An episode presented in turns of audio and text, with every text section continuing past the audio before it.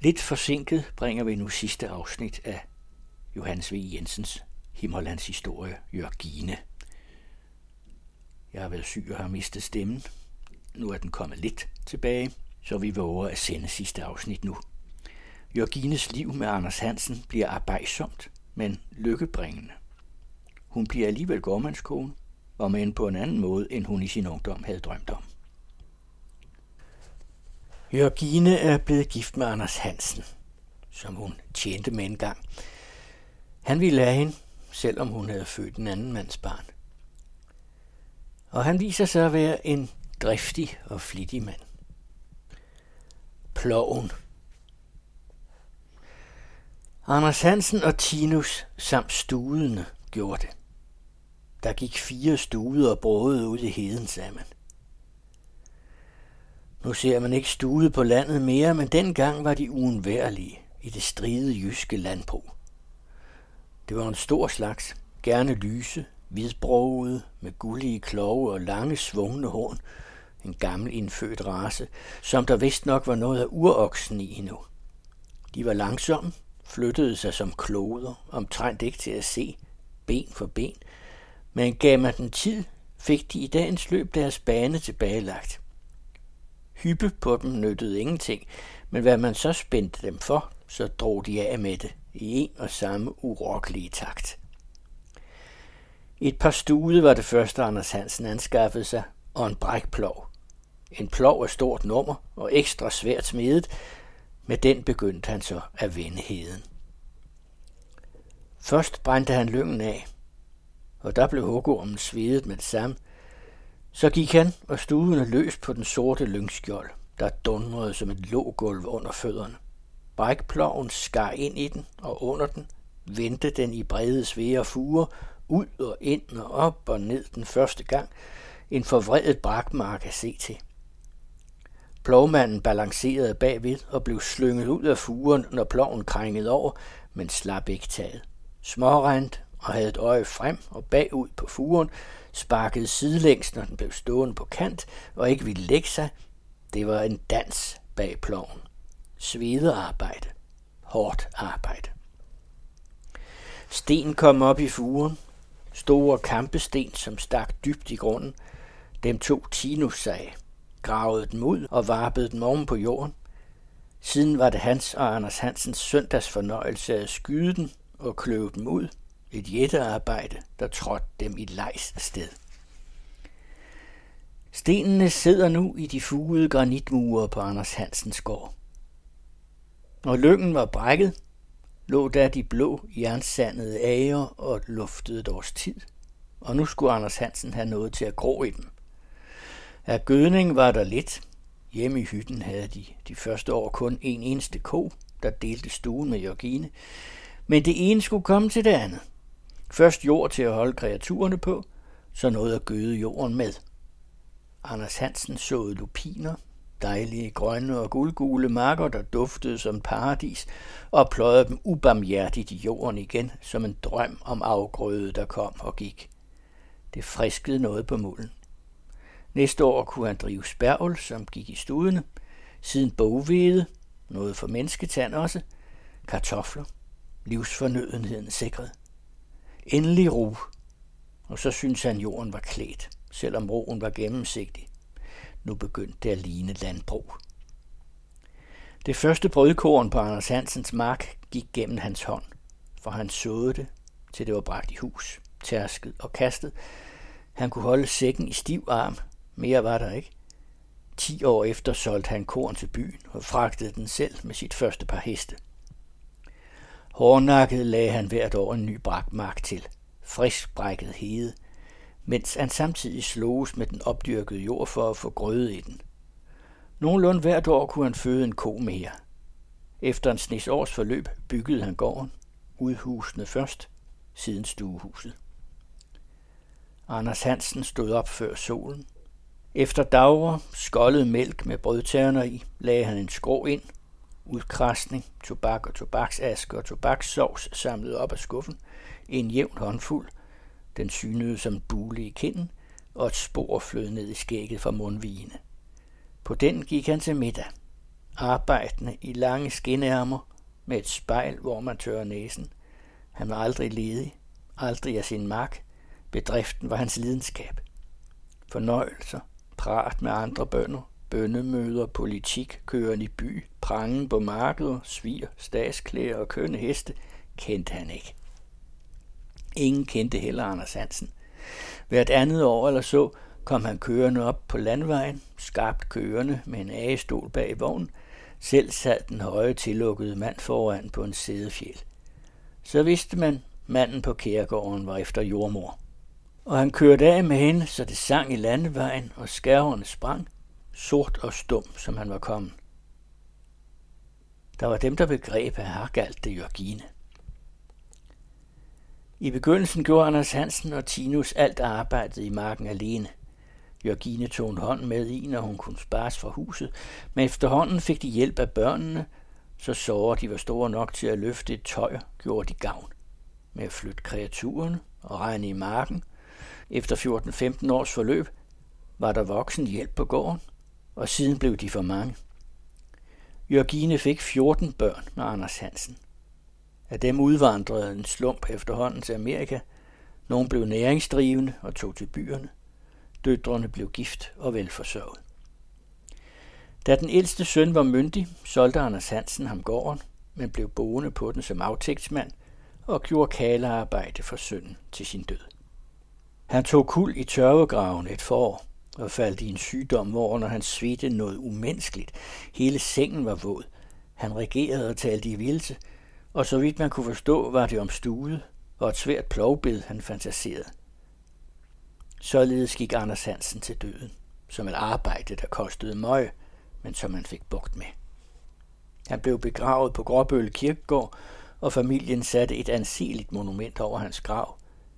En støbt cementsten. Murerne i Anders Hansens gård ville holde længere end den. Tinus var der allerede død. Han blev kun nogen og 40. Sine sidste år blev han forfremmet fra nøsset til stallen. Hans livs hedeste ønske at komme til at passe heste. Og Jørgine konspirerede længe for ham, lod et ord falde til manden nu og da, indtil Anders Hansen føjede den, og Tinus rykkede ind i stallen. Tinus var den eneste fra gården, der viste sig mellem folk, mærkeligt nok. Når han havde fået ur og kæde, som forlangte at ses, han stod da og knappede op ved våbenhuset mellem kirkefolket på sneværsdag og skød vestene frem med hænderne i bukselommerne, skulle hele tiden se, hvad klokken var, som om han var utålmodig over, at præsten ikke kom. Da han var blevet staldkald og kørt til mølle, pussede han sig selv på hverdag og kørte stiv op igennem landsbyen. Han troede sig bemærket af verden og havde et funklende blik til overs for vejførerne. Her kom Tinus kørende. Garnkonen, Jørgines mor, døde på gården, gammel, og uden at have haft en sorgens time, siden Anders Hansen flyttede til dem i kæret. Hun fulgte den store forandring fra år til år med stum af bødighed, sådan som man ser på evner og fuldbragte ting fra afmagtens dal. For Anders Hansen havde hun en religiøs respekt.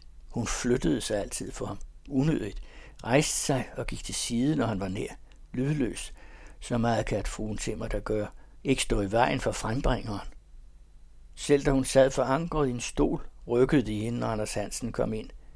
Ærefrygt og tak stod præget i hendes alvorlige, siden mandens død en gang for alle forgremmede træk til det sidste.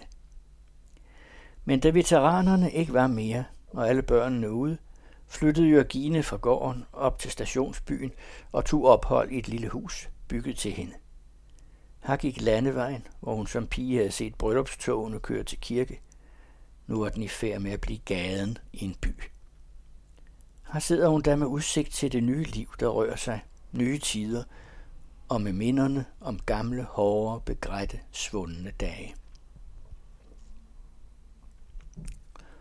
Årenes frugt Jørgines drøm i sin tid om at blive gårdmandskone gik i opfyldelse, men det kom meget anderledes, end hun havde forestillet sig. Det gør virkeligheden som oftest. Den forandrer sig undervejs. Jørgine var begyndt på bunden. Efter de mange strenge år stod hun på toppen af, hvad hun forstod ved tilværelsen. Det var Anders Hansen, der havde båret hende og hele verden på sin ryg op ad bakken. Men tiden havde vendt sig i midlertid. Hun vidste ikke, hvordan det var. Afstanden var ligesom blevet borte, i det hun tilbagelagde den. Forskellen mellem folk var ikke som før. Det var Luther klasse, da hun var ung, og hun var nederst. Havde kun fundet det naturligt. Nu er der hverken op eller ned mere, og det var vel godt det samme. Verden var ikke til at kende igen. Udover bundestanden havde hendes tanker aldrig ragt. Den fine højdanske verden havde hun i sin tid kun set fra det fjerne. De par embedsmænds familier, der var på egnen, de var blevet til hendes erindring om luftskikkelser, hun aldrig havde været nær. Billedet af damer, når de gik spaceretur ned ad vejen, i hatte med fjer, tynde om livet og med et stort fyldt agterparti, som en slags fugle. Det var i tornyrernes tid, med underligt bevægelige hvide ansigter, krøllede af munterhed, talende som sølvklokker. Standspersoner var anderledes nu. Der var dem, der kaldte hende fru Kærgaard nu. Så vidt var det kommet. Verden havde bragt det med sig. Hendes børn var draget ud i verden og kom tilbage med den. Næsten hver sommer var hendes børn hjemme på besøg fra Amerika. En af hendes sønner førte eget automobil med. På få kvarter fløj hun med ham de gamle veje mellem købstederne, hvor hun som pige havde vandret i snørestøvler. Evigheder og aldrig fået ende på milene. Selv havde hun været i Amerika to gange og besøgt sønnerne, som drev store erhverv. Børnebørnene var det unge Amerika, nyborgerne, kviksølagtige væsener, uden et begreb om standsforskel i deres store åbne øjne, der ligesom udstrålede et nyt liv, en ny verden. Men den side af Jørgines tilværelse faldt ligesom uden for den, der havde været hendes egentlige. Til børnebørnene rakte hendes sinds udvidede kraft ikke. Hvor meget umage hun så gjorde sig. Anders Hansen oplevede at se den, men han og de forblev helt fremmede for hinanden. De små amerikanerbørn stod for bagset, simpelthen uforstående, når bedstefar med et ej godt smil forærede dem afbrændte tændstikker, som man havde samlet i det øje med at glæde dem. Skatte i hans øjne endnu, i forbindelse med begrebet barndom. Han var blevet en tagelighed, som eftertiden ikke fatter mere. Det lykkedes aldrig Georgine at få ham anstændig. Han ville ikke gå i byklæder og undflyede til tørvegraven eller afside sit udhus og bandt riskurve, når Jørgine forsøgte at stase lidt op for de fremmede, der dog var deres eget kød og blod. På gården havde de, som sig burde, en række pyntede stuer, hvor I ingen opholdt sig til hverdags, så man kun bevægede sig igennem på hosefødder. Anders Hansen havde vist overhovedet aldrig været der. Han blev i folkestuen, men var i øvrigt sjældent inde. Han var den sidste suveræne bonde, af hvis hoved kabussen aldrig kom, for hans liv var hengået og hengik til hans død i det fri. Ellers havde de aldrig været uenige. I træde med nogen kunne Anders Hansen vanskeligt komme. Han var af for få ord. Personlige følelser eller et såkaldt indre liv satte han til side. Hvad der boede hans kone af mulig sjæl var ham ikke bekendt, så længe de levede sammen af gavn. Jørgines fejltrin i sin tid havde han aldrig omtalt, aldrig indset. Han var stort gevind og udslettede de spor, andre havde efterladt sig. Den første født, en pige, var og blev da Jørgines datter. Frans, i mange år havde Jørgine haft en hemmelig kilde, der holdt hende underrettet om ham. Hun genså ham aldrig. Han havde det godt. De første år i kæret havde været pinehårde, men mangel var aldrig kommet inden for deres døre. Som gift kone bevarede Jørgine sin skadeagtige livlighed og lattermildhed, var altid glad, uden sin lige til at overkomme alt arbejde, og syngende af fuld hals, altid med et barn på armen, en hale af unge efter sig og i de vente. Anders Hansen hældede øret til som til fuglesang, når Jørgine vældede i huset. Han ytrede sig ikke om hendes kunst, var ikke kender, men hun var hans glæde. Han havde fået den i sin varetægt, han ville have. Ja, sådan var den stunds tid gået, som livet er, når man skal se tilbage på det. Jørgine var igen blevet alene. Når hun så ned i sine minder, faldt tilværelsens tyngdepunkt af sig selv omkring den tid, da børnene var små. Underligt, eller naturligt nok, blandede hun da altid Tinus, da han var dreng, sammen med erindringer fra sine egne børns barndom. Med en V, som aldrig ville lægge sig, huskede hun broren og hans modgang, da de gik i skole. Det lille hjerte. Der boede en godhed i ham, som kun hun kendte. Hans smil, når han fik noget, lyste til hende tværs igennem alle årene. Hun havde set nybyggede huse blive gamle og skæve og rokke mod jorden, men aldrig blev det gammelt. Tinus' smil, når hun havde haft ærtebælge med til ham, eller at hun engang var kommet hjem og havde givet ham et kræmmerhus, kongen af Danmarks brystsukker. Så længe de var små, havde hun kunnet beskytte ham, når ikke ydre omstændigheder blev dem for stærke. En lejlighed havde tilbudt sig til at komme op og køre en gang med en vogn. Manden havde nikket for lov, og Jørgine var ændret op over bagsmækken, mens vognen var i fart. Men Tinus havde ikke kunnet vinde med, og løbende bagved kom han den hoppende vogn for nær og slog sig i munden på den. Hun så ham sakke agter ud og smile med de blødende tænder, glad på hendes vegne over, at hun var kommet med i vognen. Aldrig glemte hun det. Aldrig kunne det glemmes. Men en sorg havde hun haft i sit liv. En stor, virkelig ulykke, som formørkede et punkt i hendes liv, og endnu en menneskealder efter ikke var til at tænke på. Et af hendes første børn, en lille treårs pige, var omkommet i et vandhul i kæret. Det lille våde lig, som hun bar ind. Hun krympede sammen og blev til is endnu som gammel kone, når mindet dukkede op. Hun længtes efter sin død. Før ville den sorg aldrig blive slukket. Den store grimme lade var blevet bygget hen over stedet, og hun gyste for den, som hun havde gyst for stedet. Aldrig kunne synet udslettes, og med det fulgte kæret, det gamle sorte kær med ture og ris, det havde taget tolv af hendes hjerteblod. Ja, ja, ja. Livet havde faret hårdt med hende, og hun havde været så lykkelig. Nu boede hun ved landevejen, hvor hun havde hørt bryllupsmarchen i sin tid. Dage, der ikke var mere. Bilhornene hørte hun nu. Folk jo og blæste rent foran sig, og de kom tidligt nok frem. Hun, hun boede kirkegården nær, hvor den lille pige lå, hvor Anders Hansen lå. Hvad mere kunne hun vente? Men havde hun ikke frembragt liv? Var hun ikke blevet mor til en slægt? Kartoflen, når den er tidlig, så graver man den op. Ved roden hænger alle de nye friske kartofler, store og små, som en hel familie, med den gamle læggekartoffel fra i fjor. Den er sort og skrumpen og fuld af vand. Kunne det være anderledes? Så sidder der der Jørgine, gammel og ene, men med en duft i sjælen som en blomstrende kartoffelager. En sommer, den skønne, lange, søde sommer. Liv, som hun havde taget imod, og som hun havde givet. I stuen hos sig har hun fotografierne af alle børnene. De ser på hende, som svundne år ser. Udenfor går gaden, en gang landevejen. Den skal blive ved at gå. Den har set meget og skal se mere. Men det er ikke længere Jørgines historie.